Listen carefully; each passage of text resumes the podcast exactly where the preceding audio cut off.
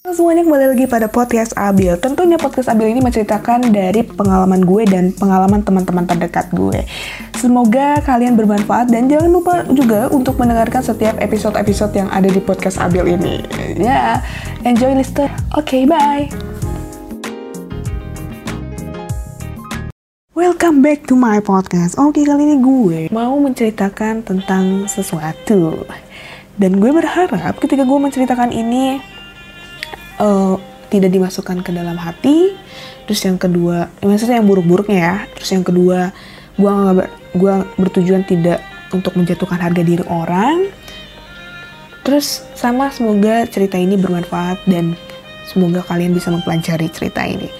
Nah jadi pada saat gue SMA tapi sebelum itu gue pengen nih kalian pasti pernah kan yang namanya ngalamin masa-masa uh, SMA gimana nih SMA kalian? Seneng nggak? Ya kalau seneng alhamdulillah. Kalaupun tidak ya udah gitu oke ini mau ngulur waktu gitu kan. Jadi kali ini gue mau cerita tentang masa SMA pengalaman gue di SMA jadi pada saat itu gue lagi ada kelas nih dan kebetulan yang ngajarnya itu adalah guru killer. Nah nah pas lagi ngajar si guru killer ini minta salah satu anak untuk maju ke depan ngisi soal di papan tulis. Akhirnya ditunjuk. Dan kebetulan dia nunjuk salah satu teman gue. Ya, gue bilang temen gue ini si A, namanya A ya. Akhirnya si A maju dong untuk ngisi soal. Ngisi, ngisi, ngisi soal yang ada di papan tulis. Tapi sayang si A ini nggak bisa ngerjain soal guys. Ya kalau gue jadi si A, ya gue juga kalau misalkan emang gue nggak bisa ngerjain, ya gue pasti diem pasti gue juga bingung gimana caranya gitu kan nah pas ketika si guru itu tahu si temen gue yang A ini si A ini gak bisa ngerjain soal tiba-tiba guru gue bilang kayak gini masa soal kayak gini aja gak bisa? Kalau misalkan emang kamu malas belajar ya udah mending kamu jual jualan cabai aja sana di pasar jadi juragan cabai gue yang sebagai mendengar yang sebagai murid yang duduk gitu ya ngelihat mereka si guru killer ngomong kayak gitu kayak what the hell? What the fuck? Pantas ya guru ngomong kayak gitu ke anaknya. Terus ya kalau misalkan emang anak atau murid nggak bisa ngerjain soal ngisi soal setidaknya lo panggil salah satu anak yang emang bisa. Setelah itu si teman gue yang si A ini suruh lihat nih gini loh caranya. Jadi itu kalau lo ngomong ngata-ngatain anak itu dengan perkataan yang bener-bener menyakiti anak itu itu namanya bukan malah memperbagusi anak memperusak anak gitu. Memperusak mental si anak apalagi kadang pas lo ngomong kayak gitu semua anak-anak pada diem gitu kan. Hening sama aja kayak lo menjatuhkan harga diri si anak. Harusnya nggak kayak gitu. Emosi gue ya udah tuh. Setelah kelas selesai udah tuh kelas selesai. Gue inisiatif menuju ke anak. Eh menuju ke anak menuju ke salah satu teman gue yang si A ini menuju si A. Ngobrol-ngobrol aja ngobrol sama si A ini. Singkat cerita si teman gue ini yang si A ini dia bilang kayak gini tahu nggak kalau kalau gue udah besar mau jadi apa? Dia nanya ke gue. Terus gue gue bingung dong.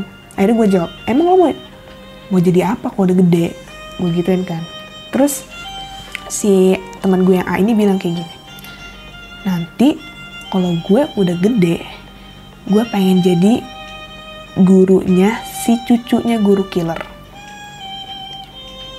terus gue nanya emang lo mau jadi guru apa? Guru kan banyak, kata gue kayak gitu. Terus dia bilang kayak gini, gue nanti kalau udah gede mau jadi guru yang berkebutuhan khusus atau guru luar biasa.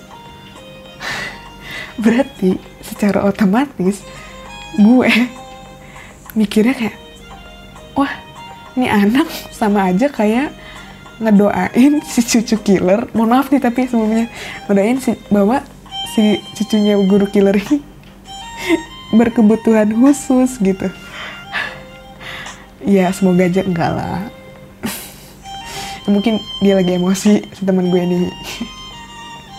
Tapi gue ngakak sih kayak aduh ngedengernya tuh kayak gila banget sih. Tapi setelah dia lulus gue bangga banget sama temen gue yang si A ini ya. Dia cita-citanya kecapai bro.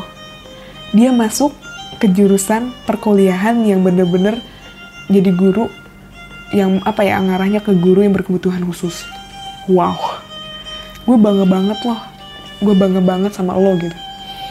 Gila banget sih apa yang lo omong itu tercapai. Mungkin pada saat itu lo terjolimi sama guru itu. Dan pada saat itu sekarang Tuhan menjawab doa-doa lo gitu. Wah gila banget sih. Dan harapan gue nanti kalau depannya lo bisa jadi juragan cabai juga nggak apa-apa. Gak usah sama lo jadi juragan cabai. Gak selamanya yang jadi juragan cabai itu gak berpendidikan.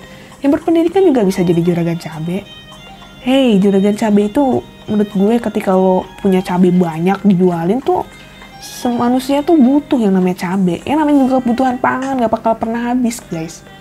Gitu kan? Makanan butuh cuy. It's okay. Selagi itu masih halal ya nggak apa-apa.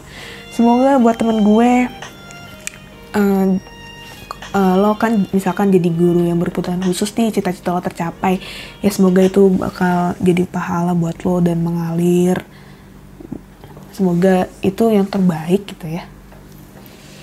Terus apalagi ya? Uh, buat guru gue nih yang killer nih kayaknya. Semoga nggak kejadian ya soalnya. Ya semoga dia nggak kejadian. Ya pokoknya gue sih harapannya ke depan agak lebih diperbaiki lagi karakteristiknya. Itu sih yang bikin orang-orang nggak suka gitu. Mohon maaf ini bu. Tapi emang setiap orang kan ya tahu lah punya masalah tapi setidaknya ketika dia emang nggak apa ya punya masalah tuh ya introspeksi diri gitu ya. Saya juga masih banyak salah kok bu. Ya itu aja sih. Ya semoga semuanya ke depannya baik-baik aja. Baik itu si teman gue yang si A baik itu si guru gue yang killer gitu kan. Ya semoga kita semuanya baik-baik aja dalam keadaan sehat walafiat. Oke. Okay. ya inti dari cerita ini adalah jadi ketika kita terjolimi sama orang itu lebih baik kita mendoakan yang terbaik buat diri kita sendiri. Kenapa? Karena yang namanya orang terjolimi itu pasti doanya terkabul. Dibandingkan ketika kita terjolimi dan kesal sama orang, kita malah mendoakan yang buruk tentang orang lain, itu bukan menguntungkan diri kita sendiri, tapi malah merugikan kita diri sendiri. Iya lo ngapain ngeliat orang lain menderita? Mending lihat lo, mending melihat lo bahagia, ya enggak? Ketika lo melihat orang lain menderita tuh bukan dijadikan sebagai itu adalah kebahagiaan lo. Tapi kebahagiaan sesungguhnya itu adalah ketika lo bener-bener bahagia. Bahagia bukan karena penderitaan orang gitu. Oke itu aja bisa gue sampaikan. Ya sebenarnya gue nggak tahu ini bermanfaat apa enggak tapi itu yang bisa gue ceritain. Kurang lebihnya mohon maaf. Terima kasih. See you sampai jumpa di podcast selanjutnya. Bye bye